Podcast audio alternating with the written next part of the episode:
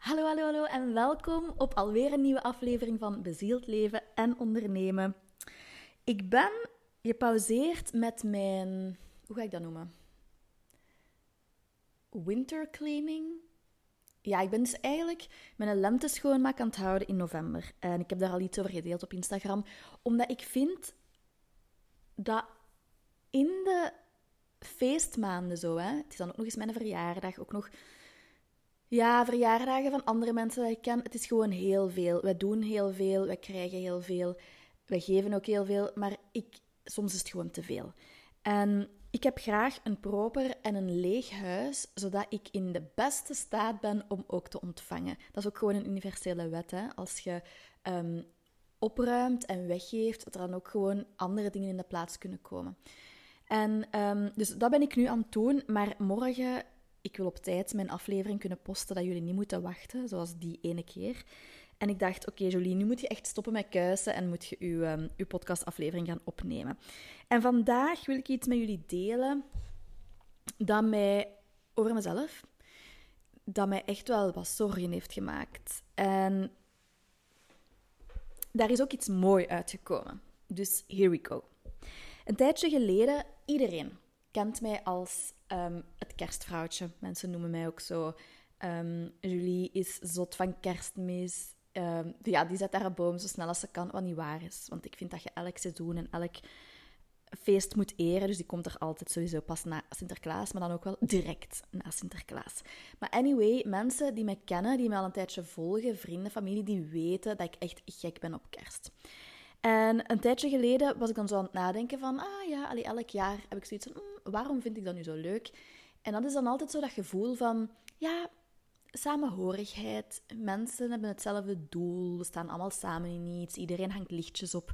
Ik voelde mij dan zo minder alleen, want ik heb eigenlijk sinds mijn jeugd al eh, vaak het gevoel gehad van eenzaamheid en me eenzaam voelen. En ik kon ja, dat heeft natuurlijk verschillende lagen en, en redenen, maar ik, ik voelde mij heel snel eenzaam. En heel vaak ook.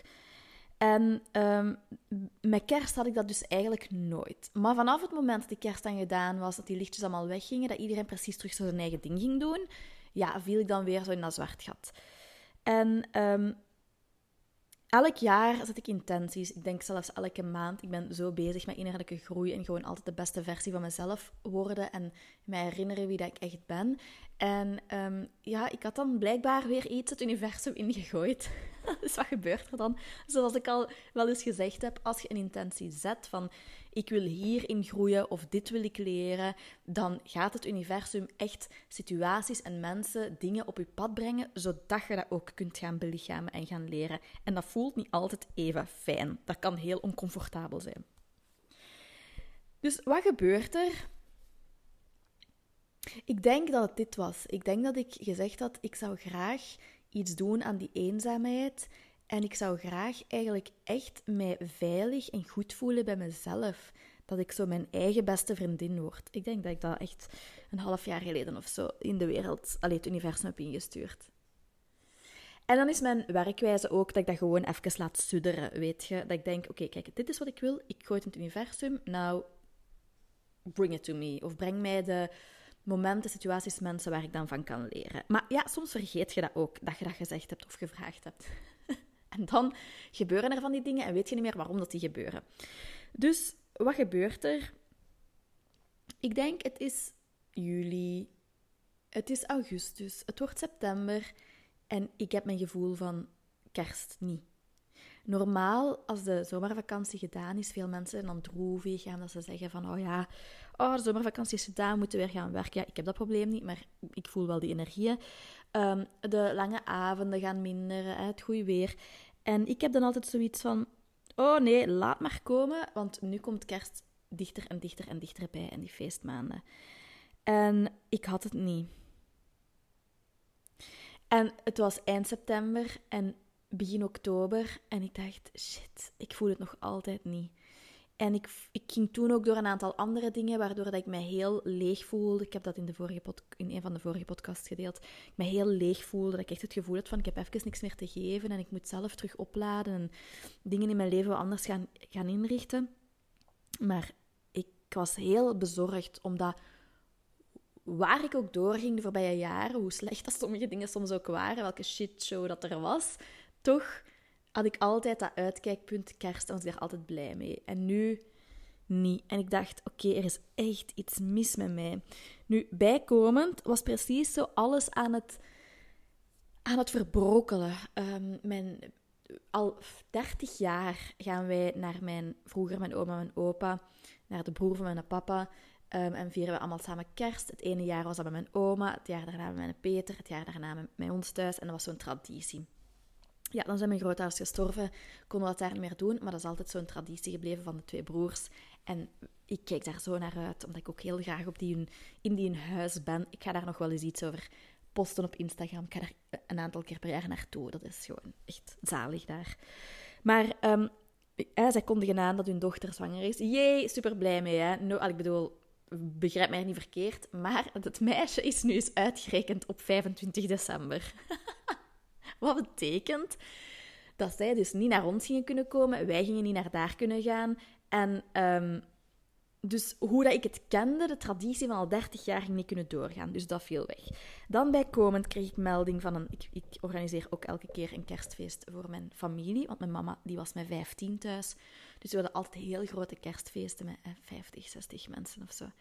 En um, ik ben zo'n familiemens en zo'n traditiemens. En mijn tantekes die waren het uit en die zeiden, we willen dat niet meer doen. En ik zei van, ja, maar ik ga dat doen. En nu kreeg ik dit jaar de melding dat we het zaaltje, dat we al zoveel jaren gebruiken, niet meer konden gebruiken. Dus ja. Dat was dan ook al anders. Um, dan waren er nog zo'n dingen, bijvoorbeeld de sloeven. oh, sorry, ik moet daar zelf mee lachen. Maar ik bestel elk jaar dezelfde sloeven. Um, als ik tevreden ben over iets, dan, zal ik daar heel, dan ga ik daar niet snel van afwijken. En dan ben ik ook bereid om daarvoor te betalen. Dus ik heb heel goede sloeven gevonden. Die geven me echt zo'n abundance gevoel. Weet je, die sloeven creëren gewoon een abundance gevoel. En nu had ik die besteld en die waren niet exact hetzelfde als andere jaren. Ze daar iets aan veranderd. En ik dacht, man, fuck this. Moet echt alles nu veranderen? Ik wil gewoon zoals het was. Is het nu zo moeilijk om alles te hebben zoals het was? Dus dat hielp ook niet om weer mijn Christmas spirit te vinden. Ik zat zo precies in een of ander, ja, verhaal. Zo, kerstverhaal of zo. Van, she lost it en nu moet ze het licht terugvinden. En ja, wat ik dan altijd doe, is... Um, ik ga dan kijken van, oké, wat wilt mij dat komen vertellen? Waar ligt, welke uitnodiging is hier? Wat moet ik hier leren? En dan ga ik ook een keer eens de reflectie maken van, heb ik iets gevraagd? Ben ik iets vergeten? En op een moment stuurt een, een, een hele goede vriendin van mij mij dit tekstje. Trust me when I say that your old world is not crumbling because there is something wrong with you. No, your old world is crumbling because you dreamt a better life and now it's time for it to be built. En met dat ik dat tekstje ontving. En ook zo in dat innerlijke proces zat van, ah, ik ben mijn licht kwijt met kerst en alles verandert. En wat is dat nu met alles dat verandert? Wist ik het.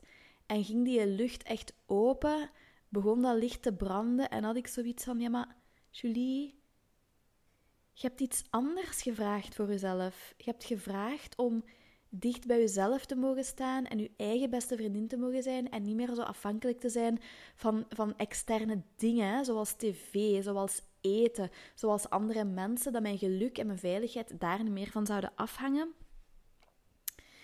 En, en dit is wat je nu krijgt. En het is tijd, dat is de boodschap die ik voor mezelf dan voelde, van het is tijd dat jij het licht bij jezelf gaat vinden en kerst en die periode gaat indelen voor uzelf en voor uw gezin. En dat je van daaruit, van dat gevoel van warmte en gezelligheid en liefde en liefde voor uzelf en de mensen dicht rondom u, van daaruit uw licht nog verder gaat verspreiden.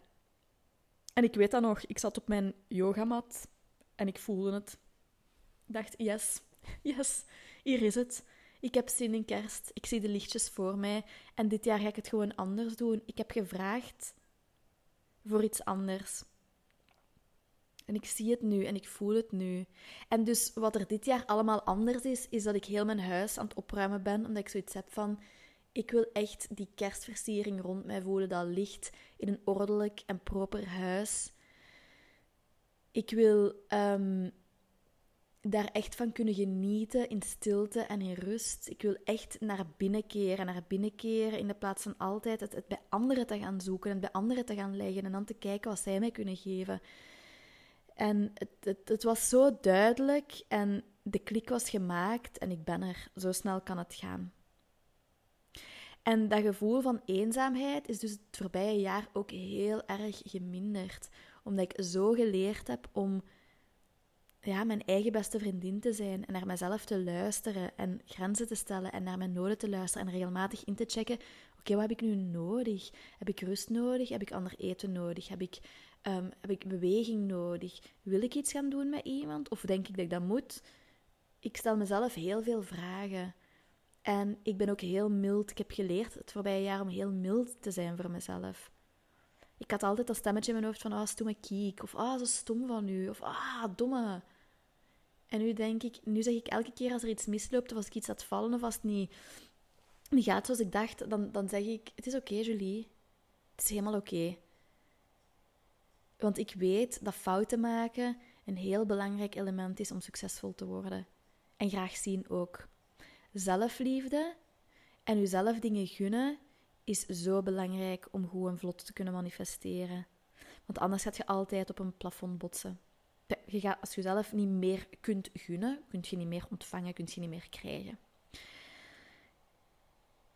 En dus met dat berichtje dat ik dan ook gekregen had van die vriendin, had ik zoiets van, dat is zo vaak. Ik weet dat heel veel mensen dat al zullen voor gehad hebben. Dat er mensen in je leven wegvallen, of situaties, of een job, of klanten, of um, ja, gewoon dagdagelijkse dingen, routines, gewoontes.